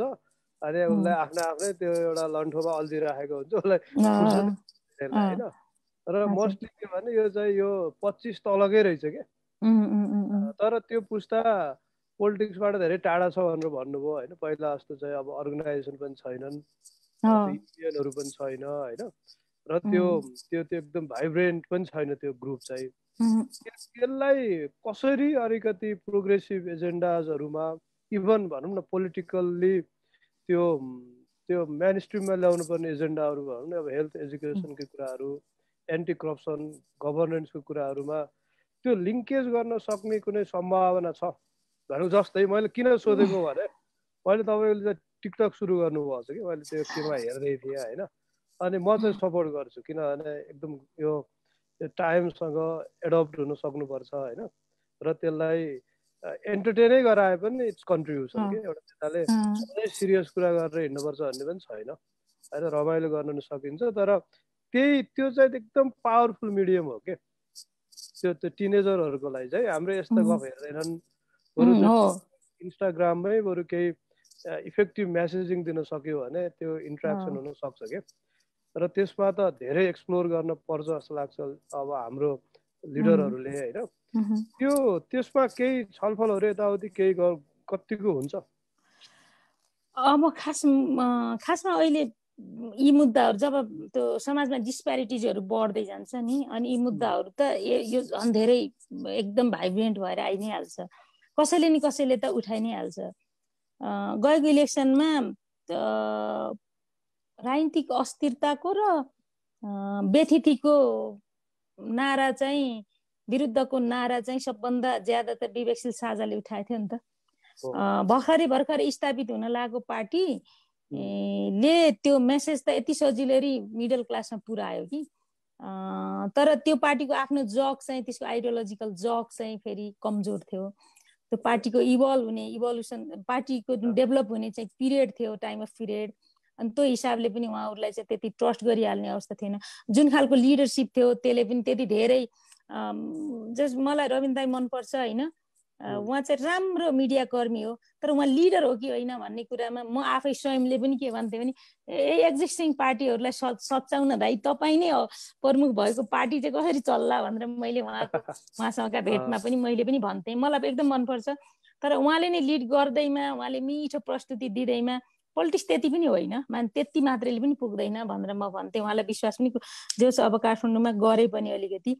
अनि त्यो हिसाबले के हुँदो रहेछ भने अब यी हामी भित्रै पनि अब यस्ता मुद्दाहरू जस्तै लेजर स्पेस चाहिँ पाइ नै हाल्छ। उदाहरणको लागि जस्तो बेलायतमा के छ पार्लियामेन्टमा चाहिँ एउटै पार्टीभित्र पनि लेफ्ट अथवा सेन्टर टु राइट अथवा सेन्टर टु लेफ्ट भनेर त्यहाँ ककस बनाएर त्यो लबीहरू बनाएर उनीहरूले काम गरिरहेको हुन्छन् क्या। अमेरिकन सिस्टम अलिक फरक छ। त्यहाँ चाहिँ एउटै पार्टीभित्र पनि म पो मोर प्रोग्रेसिभ हुँ या रिग्रेसिभ हुँ भनेर मान्छेले भनेर उनीहरूको आफ्नो ककस छुट्याउँछन्। हामीले पनि यहाँ माग गरेको कि मैले। म चाहिँ मोर प्रोग्रेसिभ मुद्दा उठाउन चाहन्छु अनि म जस्ता मान्छेहरूको ककस बनाउन देऊ न भनेको क्या। यहाँ चाहिँ महिलाका दलितका जनजातिका ककस बनाएर त्यो उसको संविधान सभामा तपाईँहरूले वितण्डा गर्नुभयो भनेर हुन्छ। एजेन्डाको लागि त खास त्यो के? होइन दलैले पहिला दलहरूले नै रोक्छन्। दलहरूले रोकेपछि नियावलीमै आउँदैन त्यसपछि ककस जस्तो हामी चाहिँ जस्तो एजुकेसनमा म चाहिँ लामो समय स्टुडेन्ट पोलिटिक्समा काम गरेँ। शिक्षाका यति धेरै गफ गरेर आइयो। अनि त्यसपछि म यसमा नै मैले केही कन्ट्रिब्युट गर्न सक्थेँ नि त। त्यसमा यसमा रुचि हुने मान्छेले हामीले चाहिँ बनाएर काम गरौँ त शिक्षा र स्वास्थ्यमा राज्यको लो दायित्व छ हेरौँ न त। भन्नका लागि त हामीसँग त्यस्तो एउटै दल भएर हुँदैन नि त। एउटै दलमा पनि मेरो दलबाट कुनै एउटा शैक्षिक संस्था सञ्चालक सांसद जितेर आएछ भने उसले एउटा कुरा भन्ला मैले अर्को कुरा भनौँला नि त। अनि त्यस पछाडि अर्को लेबरको इस्यु आउँदाखेरि एउटा मेन पावर एजेन्सीमा लामो समय बिजनेस गरेर आएको मान्छे जितेर आउला अर्को चाहिँ लेबर युनियनबाट आउला। अनि त्यो एउटै पार्टी भयो एउटा उद्योगी आउला विनोद चौधरी जस्तो अर्को त्यहाँ लेबर क्लासको आउला। अनि त्यस एउटै पार्टीमा पनि क्लास त छ नि त। त्यसले गर्दा ककस बनाएर छलफल गर्न दिनुपर्छ। भनेर मैले कुरा पनि उठाएको थिएँ तर यो ककस फेरि त्यति बेला मेरो भनाइ किन लोकप्रिय भएन अथवा सुन्निने भएन भने पहिलोचोटि जनजाति दलित महिलाहरूका कस कसका ककस बनाएर तिनले गरेको वितण्डाले गर्दा सबै तर्सेर त्यसलाई बन्दै गरे होइन? त्यसमा पनि अब हामीभन्दा अगाडिका अगुवाले के गरे भन्ने कुराले इतिहासमा हामी पनि दण्डित हुनु पर्दो रहेछ। अनि यही कुरा फेरि यहाँ स्टुडेन्ट युथहरूमा म जोड्छु कि हामी अहिलेको एक्जिस्टिङ यो पछिल्लो युवा साथीहरूले गरेको व्यवहारले गर्दा अहिले तपाईँले भनिरहेका बिस वर्षको तपाईँ हुँदा के गर्नुहुन्थ्यो भन्ने कुरो गर्दै गर्दा चाहिँ यदि म बिस वर्षको युवा थिएँ म पोलिटिक्स गर्न चाहन्थेँ म विश्वविद्यालयको स्टुडेन्ट थिएँ भने म चाहिँ आजका युवाहरू जो अहिले चालिस वर्ष अराउन्डमा बसेर स्टुडेन्ट पोलिटिक्स गर्दैछन् यिनीहरूले गरेको गलत रवैयाको मैले चाहिँ त्यसमा चाहिँ म ठगिरहेको छु कि? मैले त्यसमा मैले त्यसको चाहिँ पेब्याक गरिरहेको छु क्या त्यहाँ म बिस वर्षको युवाले। किनभने आज बिस चालिस पैँतालिस सत्तालिस वर्षसम्म पनि स्टुडेन्ट पोलिटिक्समा बस्ने हो र भने क्या? मलाई म टङ्क दाई चाहिँ तेइस वर्षमा हाम्रो सङ्गठनको अध्यक्ष हुनुभएको थियो पैँतिस छत्तिस सालमा। अनि दाई तेइस वर्षमा भएको हो हाम्रो त एकदम समय बित्यो क्यार जस्तो लाग्थ्यो होइन? अनि म तिस म त तिस एकतिसमा त मैले मैले छोडिसकेको थिएँ। अहिले त तिस एकतिसको मान्छे त क्याम्पसतिर हल्लिरहेछ केही पनि गर्दैन होइन? म चाहिँ करिब करिब तिस मुनि नै अध्यक्ष भएँ।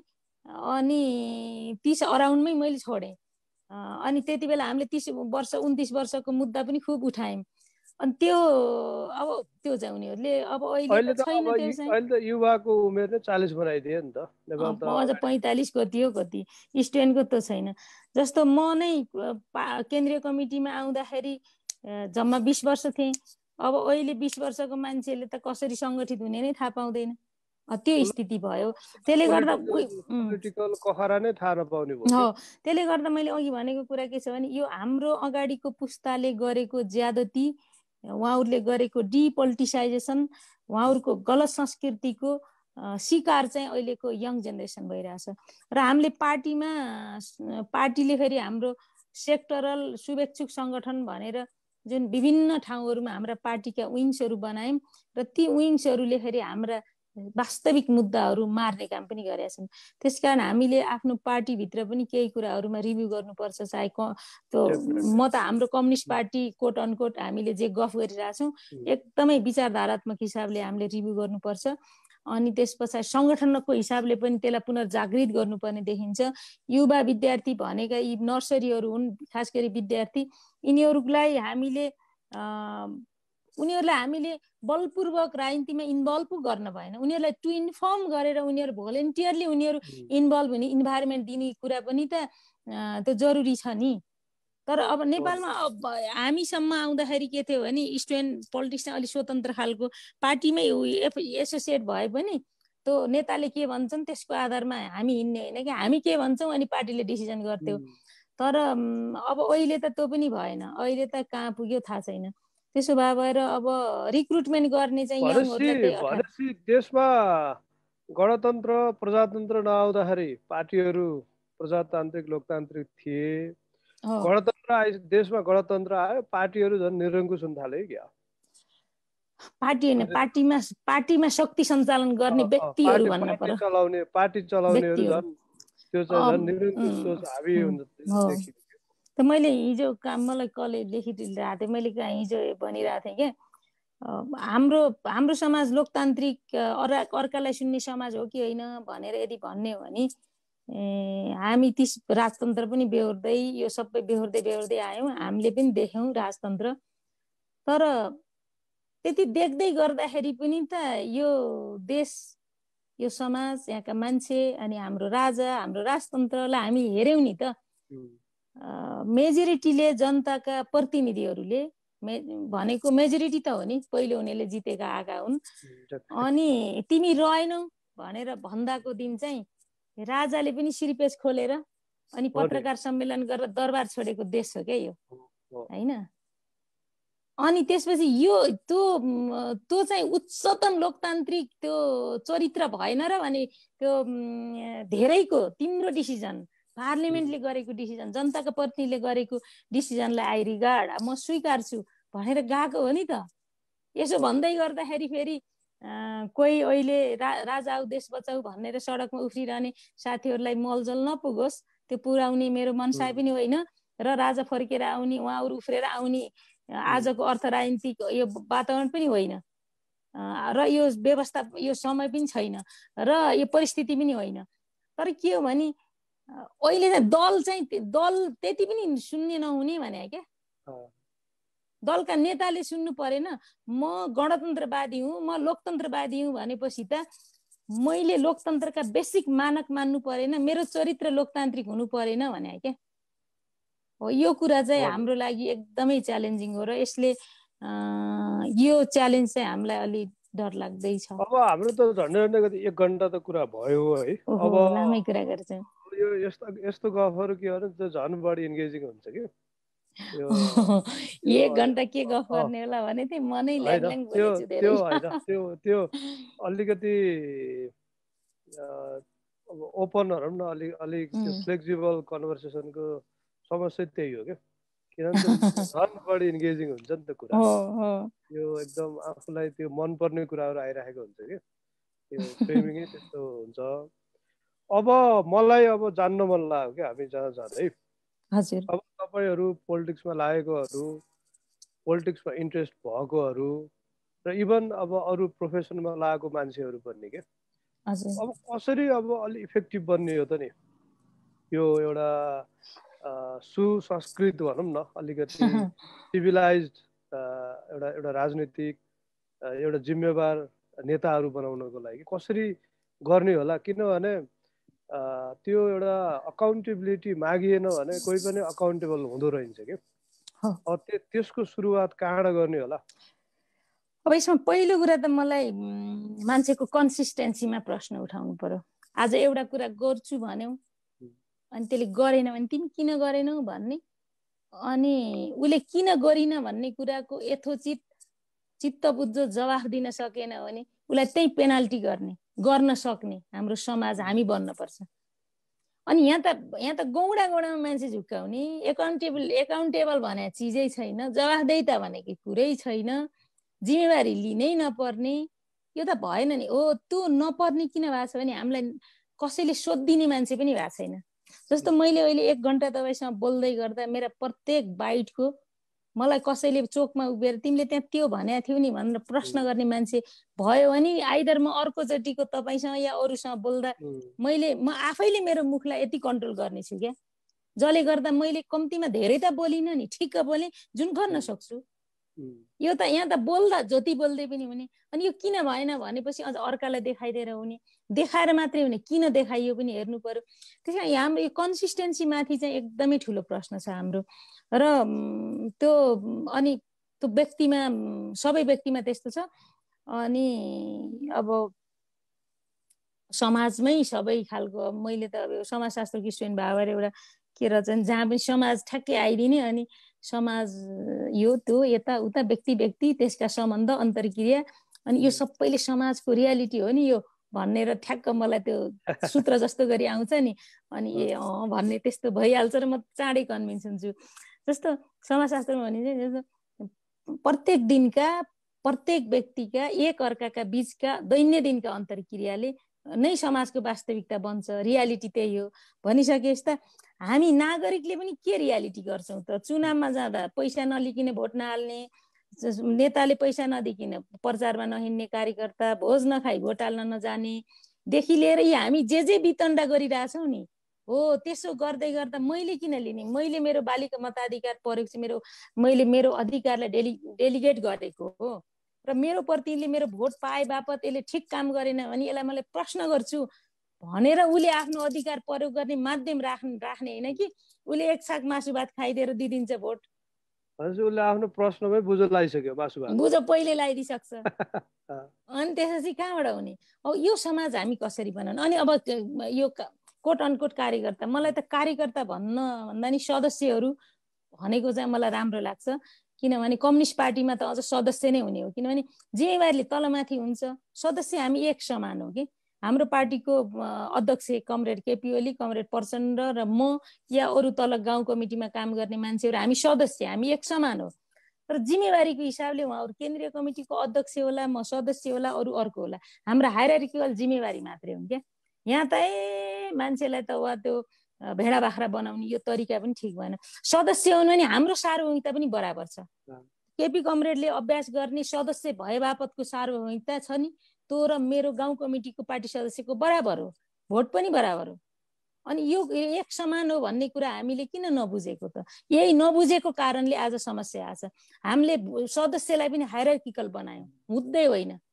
यो हुँदै होइन र हामीले एक समान हो भन्ने कुरा। यो अब अन्तिममा मेरो प्रश्न किनभने यो लास्ट है। त्यो यो नेपाल कम्युनिस्ट पार्टी भन्ने जुन छ नि यसको नाम चाहिँ खास अबको महाधिवेशनमा फेर्ने कुरामा आवाज उठ्छ उठ्दैन होला। उठ्दैन होला यो त। है? यो त उठ्दैन यो त कम्फोर्टेबल छ नाम चाहिँ। पार्टीको नाम र काममा जुन छ नि अहिले अब नाम त कम्फर्टेबलै छ अब काममा यस्तो भयो अब हामीलाई यो कुरा हामीलाई अडचालिस उन्चास साल तक एकाउन्न सालको सरकार चलाउने बेलामा अलिकति त्यो बेला यो एकदमै च्यालेन्जिङ थियो। तर जब हामीले उनपचास सालमा मदन भण्डारीले भन्नुभयो नि हामी कम्युनिस्ट पार्टी हो तर हामीले एउटा कार्यक्रम चाहिँ जनताको बहुदलीय जनवाद भन्ने एउटा कार्यक्रम ल्याएर त्यहाँ चाहिँ हाम्रा यसका ज जनताको बहुदलीय जनवादको कार्यक्रमभित्र हाम्रा के हुनेछन् भन्दा त्यस्ता क्यारेक्टरिस्टिकहरू चौधवटा क्यारेक्टरहरू दिनुभयो। उहाँले बहुमतको सरकार हुनेछ अल्पमतको विपक्ष हुनेछ बालिक मताधिकार हुनेछ प्रेस स्वतन्त्रता हुनेछ मानव अधिकार हुनेछ सो अनसोन जो चाहिँ सत्तालिस सालको संविधानका विशेषताहरू नै हो करिब। अनि त्यो भनिसके पछाडि यी कम्युनिस्टहरू डेमोक्रेटिक हुन् कि होइनन् भनेर अनि उठेका प्रश्नहरूको कर्मश जवाफहरू त्यो डकुमेन्टलाई लिएर आउँदै गर्दाखेरि हामीले धेरै ठाउँ दिइसक्यौँ। अनि दिइसके पछाडि अनि त्यसको मेजर मकसद के थियो भने कम्युनिस्ट पार्टीको पनि डेमोक्रेटाइजेसन भन्ने थियो क्या त्यसको। कम्युनिस्ट पार्टी स्वयंलाई लोकतान्त्रिकरण गर्ने र समाजको लोकतान्त्रिकरण गर्ने भन्ने कुरा थियो कि त्यो। त्यही कुरालाई टेकेर अहिले केपी कमले कम्प्रेन्सिभ डेमोक्रेसी भने त्यही हो उहाँले भने। अनि फेरि बैठकमा बहुमत नपुगेपछि भाग्ने त्यो पनि त्यो कम्प्रेन्सिभभित्र पर्छै पर्दैन। यो चाहिँ यहाँहरूले सोधिदिनु पर्ने आफूलाई चाहिँ बहुमत पुगेन भने फेरि बैठकबाट भाग दिने पनि कम्प्रेन्सिभभित्र पर्छै पर्दैन। त्यो चाहिँ अलिकति अलिक ठुला मिडिया कर्मी साथीहरूले सोध्दै भयो अब नाम कम्युनिस्ट भए पनि अनि यस्तो यस्तो छ कम्युनिस्ट पार्टी हामीले उही पुरानो कम्युनिस्ट जुन जस्तो उत्तर कोरिया या यस्तो त्यो फ्रेमवर्कभित्र हामीले हेरेको छौँ। ने नेकपा एमालेलाई त यो त मूल त डेमोक्रेटिक फ्रेमवर्कभित्र आएर यत्र वर्ष काम गर्यो। त्यो भएर यसलाई चाहिँ खासै त्यस्तो नामैले र कामैले फरक पार्दैन। अर्को कुरा हाम्रो उद्देश्य पनि त अहिले अहिले अहिले अहिले यो चाहिँ ब्रान्डको रूपमा रह्यो भनौँ न। ब्रान्ड भन्दा पनि जस्तो कम्युनिस्ट पार्टी मेरो बिल मैले जहाँ काल्सवर्ग बियरले भनौँ न अब यत्रो वर्ष लगाएर ब्रान्ड बनायो अब त फेर्दैन नि त। भित्र क्वालिटी त फेरिएला बोतलभित्र तर फर्मुला भने त क्वालिटी पनि फेर्दैन। बियरको फर्मुला ला होला नि। होइन यस्तो छ। हामीले चाहिँ के कम्युनिस्ट पार्टी नै लोकतान्त्रिक हो क्या किनभने जहाँ जनवाद भन्ने चिज हुन्छ कि जनवाद भनेको त प्रत्येक सदस्यको डेमोक्रेटिक राइट हो। त्यो चाहिँ चाहे रसियाको बोल्सेविक मेन्सेविक पार्टीहरूको कुरा गर्नुहोस् चाहे अरूको मैले यो रोजा लग्जमरलाई पढेँ यो बिचमा होइन? रोजाले त्यहाँभित्र उनी अल्पमतमा हुने बेलामा पनि त्यहाँ लेनिनमाथि यति धेरै प्रश्न गराएर छ कम्युनिस्ट इन्टरनेसनलमा। यी यो मलाई प्रदीप दाईले तिमी रोजा पढ पढ भन्नुहुन्थ्यो प्रदीप गिरीले। अनि त्यसपछि म यो त्यो भाव भएर अनि मलाई चाहिँ त्यस्तो लाग्छ। त्यसो भए सबभन्दा डेमोक्रेटिक चाहिँ डेमोक्रेटिक नभनेको जनवादी भने तर त यिनीहरू त झन लोकतान्त्रिक झन प्रजातान्त्रिक जनवादी हुनुपर्ने त कम्युनिस्ट पार्टी हो जसले चाहिँ प्रत्येक सदस्यको भोइस सुन्छ क्या। त्यसो भए यसलाई चाहिँ अलिकति हामीले हामीले बुझाउन यो बना हो तपाईँले भनिहाल्नु अब अब केही छ लास्टमा ल भन्नुहोस् हामीले यसो मिस गरेको कुरा। अब लामो पनि भयो आठ दस बजिसकेछ। मैले चाहिँ के भन्छु भने युवा साथीहरूलाई खास गरी जहाँ अलि धेरै च्यालेन्ज हुन्छ नि त्यहाँ अवसरै हुन्छ। तपाईँ राजनीतिमा आउन चाहनुहुन्छ भने मैले पहिले पनि भनेको थिएँ अब यस्तो जनसङ्गठन युवा यो के भनेर होइन अब सिधा पार्टीको थ्रु आउट नै प्रवेश गर्ने ढोका खोज्नुपर्छ। चाहे जुनसुकै पार्टीमा लाग्नुहोस् त्यो गोडा या गाउँ या नगर या कहाँबाट सुरु गर्ने हो अनि त्यहीँबाट आफ्नो कुरा सुरु गर्नुपर्छ। र अहिले हाम्रो थितिमितिहरू बिग्रेको भएर चाहिँ हामीलाई राजनीति यसो सजिलो र अलिकति चमक झमक गर्ने ठाउँ जस्तो पनि लाग्छ। वास्तवमा यो कठिन काम हो। मैले त्यो यसको अघि तपाईँले त्यहाँ लेख्नु भएको थियो यसका कुनै हामीले गफ गर्दा भन्नुभएको थियो। यसको आफ्नो पर्सनल जिन्दगी छैन यो छैन त्यो छैन। तपाईँलाई पनि अघि कुरा गर्दै गर्नुभएको थियो। कहिलेकाहीँ तपाईँलाई दिक्क लाग्छ लाग्दैन भन्दा कहिलेकाहीँ कहिलेकाहीँ दिक्क लाग्छ एकदमै। छोडम जस्तो व्यापार बिजनेस जे गरेर गरेर खाउँ खाउँ कि यो कहिलेकाहीँ चाहिँ लाग्छ। मलाई चाहिँ एकदम लाग्छ बेकारको जस्तो लाग्छ होइन? मलाई अब सोसियल मिडियामै कति रेस्पोन्स गर्न पर्छ नि त। जस्तो मैले एउटा काहीँ मलाई पनि रहर लाग्छ नि मेरो छोरोसँग फोटो हाल्नु। अनि तिम्रो छोरो चाहिँ छोरोसँग फोटो हालेको छौ अनि हजारौँका छोराहरू के भयो भन्छ कि? कहिलेकाहीँ मेरो आमा कहिले भेट्छु नि? आमासँग दुनियाँका आमा रोएका छन् तिम्रो आमा त हाँसेका छन् नि भन्छ कि? मान्छे कमेन्ट गर्छन्। त्यो त मेरो पर्सनल जिन्दगी हो नि। मैले मेरो सामाजिक जीवनमा मैले के गरेँ? समाजसँग जोडिएको ट्याक्स पेयरसँग जोडिएको विषयमा मैले के गरेँ या गरिनँ त्यहाँ प्रश्न गर्नुहोस् न। मैले मेरो पर्सनल जिन्दगीमा हार्म गर्न त आउनु भएन। मेरो नि त ह्युमन राइट छ नि। यो भन्ने दिन कहिले आउला यो पर्खिरहेको छु अहिले भन्न पाइँदैन यहाँ। अहिले चाहिँ भन्न पाइँदैन। र त्यो भएर यस्तो बाइन्डिङ यस्तो बाइन्डिङ यस्तो बाइन्डिङ छ कि अब यो चाहिँ भन्न नपाइने तर यसलाई पनि यसलाई पनि अलि एन्टरटेनिङ बनाउनु पर्यो कि पोलिटिक्सलाई होइन अलि अलि अलि पर्सनल कुराहरू इमोसनल नै हुनु पऱ्यो नि त। आखिर एउटा एउटा एउटा लाइफको आफ्नो र अरूको लाइफलाई इम्प्रुभ गर्नु गर्ने काम त हो नि। हो हो। अब यहाँ त यस्तो छ। त्यसो भए अब कष्ट साध्य छ सजिलो बना कोही कष्टकर छ र न। अब यसमा पनि रमाइलो छ। अब के अरे जुन धातुले धेरै कुटाइ खान्छ त्यही धातुको मूल्य हुन्छ भन्छ नि। त्यसो भएर अब ठिक छ। यस्तै हो पोलिटिक्समा निराश हुनुपर्ने छैन। अब उतार चढावहरू आइरहन्छन् किनभने यो शक्तिको प्राप्ति र शक्तिको वितरण हो भने यस्ता सबभन्दा ज्यादा जाजल्यमान चाहिँ फोर्स त यहीँ लाग्छ नि त। त्यसो भएर फेरि म निराश पनि हुँदैन यो। हुन्छ हस् थ्याङ्क यू हामी अब अर्को पटक चाहिँ मैले अलिकति त्यो रिसर्चको हाम्रो पब्लिक भइसकेपछि अनि त्यो त्यो सिरियसै छ कुराहरू। हुन्छ। एउटा ग्रुपमा दुई घन्टा दुई घन्टा जति गफ गरौँ क्रस पार्टी चाहिँ डिस्कस गरौँला के? म खबर गर्छु है त। हस् ल थ्याङ्क यू गुड नाइट है त ल हस्। Take care good night good night good night thank you